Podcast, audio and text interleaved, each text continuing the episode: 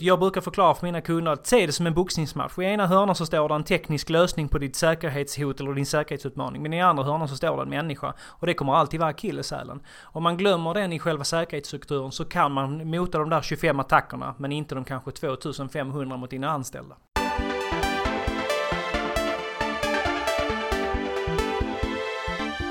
Välkommen till Effekten, det här vi optimerar digitaliseringen. Och inom digitaliseringen så finns det väldigt mycket att ta hänsyn till när det gäller säkerhet. Och jag vet, man måste ta hänsyn till säkerhet. Robert, välkommen! Tack så hemskt mycket! Robert Wiborg, du, vi pratar social engineering idag. Eh, och vad är social engineering för dig? Eh, som säkerhetsexpert kommer man oftast i kontakt med det och för mig är social engineering egentligen konsten hur man hackar människor. Eh, vi kan hacka datorer men det finns även de som är väldigt duktiga på att hacka människor. Så vad innebär det för, för, alltså kan det, för mig är det så här, Hallå, I'm from Windows. Eh, Nej men det är helt rätt. Det är en form av social engineering. Jag som på något sätt angripare eller buse eller någonting liknande vill ju illa. Men jag vill ju också illa med mitt syfte. Och det är komma åt information. Ett sätt är att hacka en dator, men ett annat sätt är just att hacka människor. Social engineering finns ju både i teknisk form, men även då i mänsklig form. Just det, och mänsklig form var det väl jag nämnde där, telefon, att någon, någon ringer upp och, och försöker... I det här fallet är det ju privatpersoner man, man försöker lura då. Absolut, ända ja. från Nigeria-breven ena till den här Microsoft uh, Support is calling. Så mm. jajamän, det är en mm. form av social engineering-attack. Finns det några grupperingar eh, av det här? Eh, eh olika undergrupper utav social engineering? Absolut. Eh, det finns olika former som har utvecklats med tiden och de eh, grupperna är ju naturligtvis dels de stora, det vill säga den tekniska formen och den mänskliga formen. Men i den mänskliga formen så finns det ju olika sätt att komma åt just den här informationen. Jag kan på något sätt försöka kapa dina konton, komma åt dina lösenord, få dig till att ange kontonummer eller något annat som ger mig faktiskt access in till det jag är faktiskt ute efter. Det är företagsinformation som är åtråvärt och väldigt dyrsålt på Tor eller Darknet. Och eh, är det vanligt i Sverige det här? Absolut. För att det, det, känns ju mycket som att Darknet och sånt där det, det är någon annanstans. Så det, det jobbiga med att mäta det, det är ju naturligtvis mörkertalet. Det är inte så jäkla vanligt att man faktiskt erkänner att man har blivit blåst. Social engineering, en lyckad attack, lämnar man ju någon personen med, med en känsla av att det här var ju inte bra och det är lätt en pinsam känsla. Och det är ju ingenting man skyltar med öppet. Eh, social engineering, eh, eh, lägger vi in ransomware och sådana saker i, de, i den eh, kategorin också? Eller? Det kan faktiskt vara dels eh, som en renodlad social engineering-attack att jag lämnar ett ransomware för att få pengar. Den kan också vara en del i en, en större social engineering-attack att jag ser hur du reagerar och hanterar det där. Att inte betala är ju också en del i kartläggningen, absolut. Har du några sådana här exempel på social engineering utifrån när man är som du säkerhetsexpert lite så, så bli, kan man ju bli lite förtjust i hur de har gjort. Hur de har tänkt. Eh, så att eh, förstå mig fel här. Eh, kan du ta fram några sådana exempel som du är förtjust i? Här har de verkligen tänkt social engineering. Eh, på ett, eh, det är ju lite farligt sätt att se det så. Men, men ändå. Ja, det mest fantastiska som jag tycker naturligtvis, det är ju... Det är ju Nigeria-breven är någonting som jag trodde skulle komma och gå. Nej, de håller fortfarande kvar än idag. Men någonting jag kan bli fascinerad över, bortom allting, det är när jag är på flygplatser eller motsvarande och ser hur företagsledare sitter och slår upp sin laptop. Och sen så blir de väldigt förvånade när man sen när man har landat förklarar för dem att man känner till mer om dem och deras företag än vad de nästan kunde tro. Den där förvåningen, den, den är en fascination eftersom att man vet att det var så enkelt att komma åt det. Och social engineering är just det. Den enkla attacken är oftast den effektiva. Du säger också att okunskapen är fortfarande det du är fascinerad av. Ja, och det är den som gör att jag har jobb tills jag går i pension. ja, men det är, det är det så. Och då, och då, är exemplet väldigt mycket från alltså att man inte har det som en vardags Eh, reflex på, på, företaget. Företagsledare till exempel som du nämnde här. Nej men absolut. Jag tror att det är enkelt egentligen att skydda sig men det är nog många som, som, som aktar sig för det just på grund av okunskap. Det finns egentligen många enkla små trick för att egentligen skydda sig till en viss nivå. Är man riktigt duktig i social engineering då kommer man nog att komma åt det i alla fall. Du nämnde, du nämnde lite där flygplatser och sånt där. Vi har ju hört i, i nyheterna att just Arlanda är ju väldigt eh, scannad utav underrättelsetjänster från diverse länder. Mm. Eh, både mobiltelefoner och, och, datorer här. Eh, och, och, det här måste ju bara bli mer och mer vanligt. Eh, rent, nu pratar jag militärt spioneri lite här också. Men... Jag vill faktiskt säga så här. Det är inte att det blir mer och mer vanligt. Det blir mer och mer känt att det är så. Det har varit så väldigt, väldigt länge. Och, och, det blir väl mer och mer på företagssidan då förstås? Absolut! Eh, det kalla kriget har ju lämnat den effekten när det är till slut att just nu så finns det mest åtråvärda i företagen och företagsverksamheter. De är ju de nya så att säga frontlinjerna idag för att nu är man mer intresserad av att föra krig på, i företagsrummen. Och då måste ju naturligtvis också den som utför social engineering attack komma dit in. Och då kan man ju tänka sig att Saab till exempel som har 25 000 intrångsförsök på det vanliga IT-sättet om man kallar det så. Eh, de, de har ju skyddat sig rent fysiskt ifrån de skydden. Det är ju brandväggar och sånt. Men de blir ju också utsatta för det här.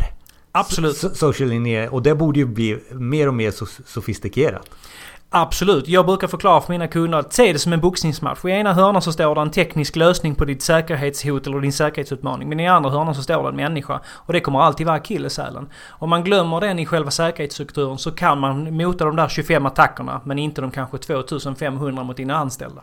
Så fokus ska inte ligga på de här Cisco eh, eh, brandväggar och sånt där längre? Eller? Inte utan att man faktiskt börjar i den andra änden. Hur mår våra anställda och vet de om hur vi gör rätt och säkert? Nu är vi där igen. Alltså det blir inte ett IT-projekt helt plötsligt. Utan det här blir någon process, verksamhets, eh, utbildnings... Vi har ju gått ifrån ett compliant samhälle på 80-talet till att vi är faktiskt risk management idag. Och i risk management så måste vi inse att det är människor i kontakt med det digitala ekosystemet, inte tvärtom. Och det är där tjuvarna då är nu. Ja, tjuvarna är ju lata. Jag kan ju ligga på Bahamas med rätt eh, mjukvara och faktiskt hacka de flesta företagen och inte behöva röra mig därifrån. Har jag dessutom mänsklig information så är jag ju hemma. Och det som kommer ut i nyheterna och sipprar ut i nyheterna det är ju någon kidnappning har skett. Alltså ransomware till exempel eller att man har tryckt på något bifogat där.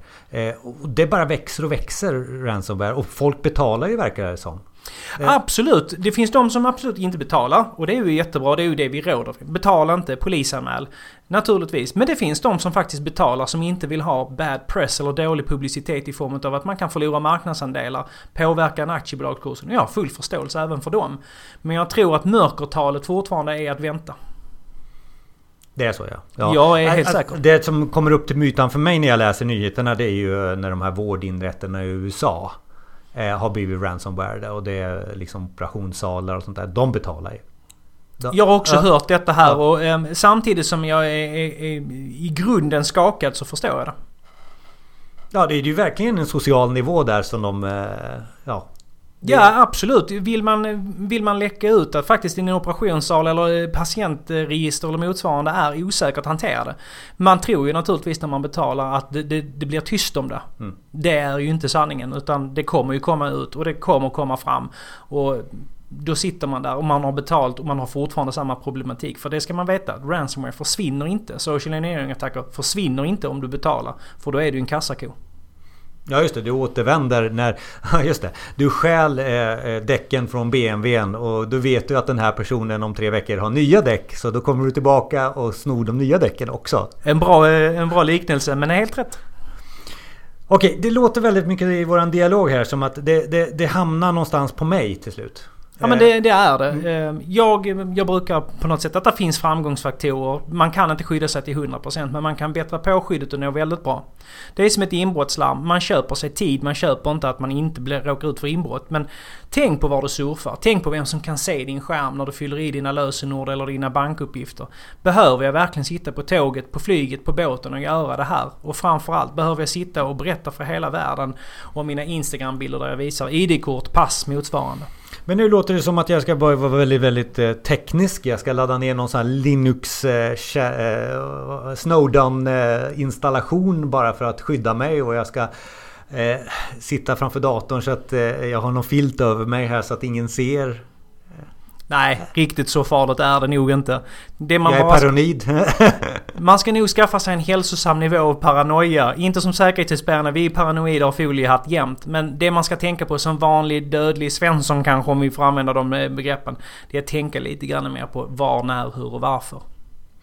Så har du några konkreta tips? Alltså jag sitter här med en Windows-maskin, jag är företagsledare. Eh, vad, vilka krav ska jag ställa på mig själv och vilken, vilka krav ska jag ställa på min IT avdelning för att den här ska vara så att jag kan ha det på Arlanda eller vad, vad nu Oavsett vem man är så förutsätt alltid att du är intressant från ett angreppsperspektiv. Um, fäll aldrig upp eller logga in på din företags hemsida via någonting som du inte har 100% koll på. Prata om man är en verksamhet med IT-avdelningen säkerhetsexpert, få konkreta tips. Och framförallt, är man nu en VIP eller om man har en väldigt särställning på sitt företag och ska resa någonstans i affärer. Sluta inte med det. Men måste du verkligen ha med dig företagets maskinvara som är uppdaterad med den absolut senaste. Man kanske ska skaffa någonting som inte är personifierat och ta med sig istället. De pengarna tjänar man in när man slipper den där social engineering-attacken. Är det enklare att ta med sig en Apple-pryl för att de har så hög säkerhet? Jag vill ju säga ja, men nej det är ju inte så. Utan det här handlar egentligen om att om man framstår som ett tacknämligt offer genom att man inte iakttar säkerhet så kvittar det vilken produkt du har. Du kommer att bli attackerad. Någonstans så måste vi också säga så här att vi kan ju måla upp olika scenarier och sånt men det handlar ju om vad är det du ska skydda? Det, Absolut. Det, det, är den första frågan egentligen ska ställa. Absolut. Och informationen som är viktigast att komma åt idag. Det är all information som i slutändan kan leda till en ekonomisk transaktion för de som är ute efter den. Och vi har ju problem att bedöma vilken information som är viktigt. Så därför måste vi faktiskt ta höjd och säga att all information är viktig tills motsatsen är bevisad. Men vi var där på konkreta exempel. Jag hade en Windows-maskin, jag har en Apple-maskin. Eh, är det någonting som är bättre än något annat? Eh, Android? Eh, alltså... Vi ser ju att eh, ny, återigen då nyheterna ibland kastar ur sig. Uppdatera inte här för nu är det osäkerhet. Eller gå inte till de här sajterna. Eh, använd den här prylen. Eller, kan du ge mig någon sån här? Du ska Jonas, kör det här så blir det bra. Absolut. Logga ut och lukta på blommorna. Då är ni garanterat säkra. Nej, jag tror att eh, visst är det vissa saker som framstår statistiskt att de är säkrare än någonting annat. Men det återigen, jag vill trycka på det säkraste är att ändra sitt beteende. Oavsett vad man har. Ja, jag bara hörde det som Android där. Is like Swiss cheese, sa någon utländsk eh, säkerhetsexpert. Jag har också hört faktiskt samma uttryck och det är ju rätt. Men det är också sett till hur du använder den.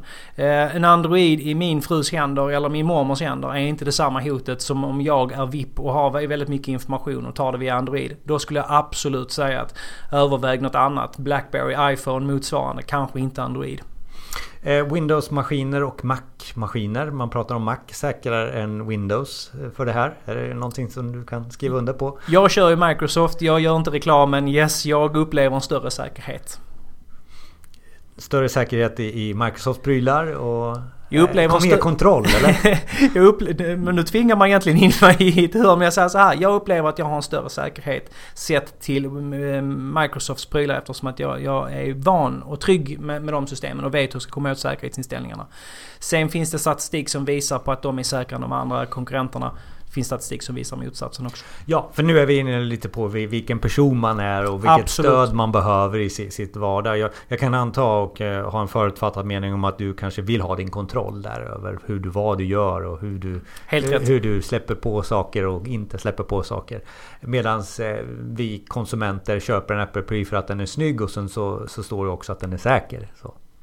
Absolut, och det har väl Apple flaggat för rätt mycket. Att vi är ett säkrare operativsystem än många andra. Ehm, och jag vill, vill, inte låta vara osagt att det faktiskt är så. Men jag tror nog att det är färre att, eh, som använder Apple och då är det inte lika attraktivt för den som attackerar. Det är fler som använder Microsoft. Då vill man också attackera de systemen. Och förr eller senare så kommer du penetrera vilket system som helst i oavhänt märke. Så som en slutkläm här då. Eh, social engineering. Vad har vi för framtid i social engineering? Vi vill ju bli av med det. Men, men vad ser du framför dig här nu de närmaste året eller åren? Mm. Jag tror att social engineering mer och mer kommer inrikta sig på företag än privatpersoner. Eh, jag tror att eh, angriparen är lat. Man kommer inte att vilja lägga ner den, den eh, kraft och resurser för att kartlägga vem jag ska använda i min attack. Samtidigt tror jag nog att jag ser ju hur marknaden kring awareness blir bara mer och mer kring utbildningar. Och då tror jag också att social engineering kommer sluta på något sätt att sätta target på individen för att den är utbildad, den har nivå. Och då, då, då tror jag då också att eh, du säger eh, de som håller på med social engineering går på de stora kassakorna. De stora pengarna. Det är lite smash and grab. Det är in, ut, fort. Och där pengarna finns är du ett sånt företag, en sån organisation där det finns den här informationen som är värd pengar som de ska sno. Absolut. Då måste du se till att den personalen du har där eh, och du jobbar med är medvetna om hur de ska skydda sig i det dagliga arbetet. Absolut. Många säger att ransomware är på toppen. Jag säger att vi har inte sett början på det. För det är en väldigt snabbt sätt att komma in och det är, det är lätt att klicka via mail och sen har du ransomware. Tack så mycket Robert Wiborg. Tack.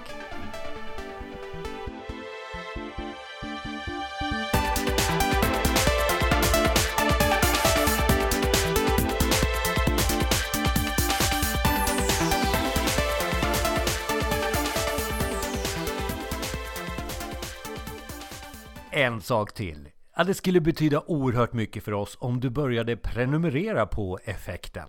Börja din prenumeration där på effekten.se. Du kan starta den också på iTunes eller där du hittar dina poddar. Tack!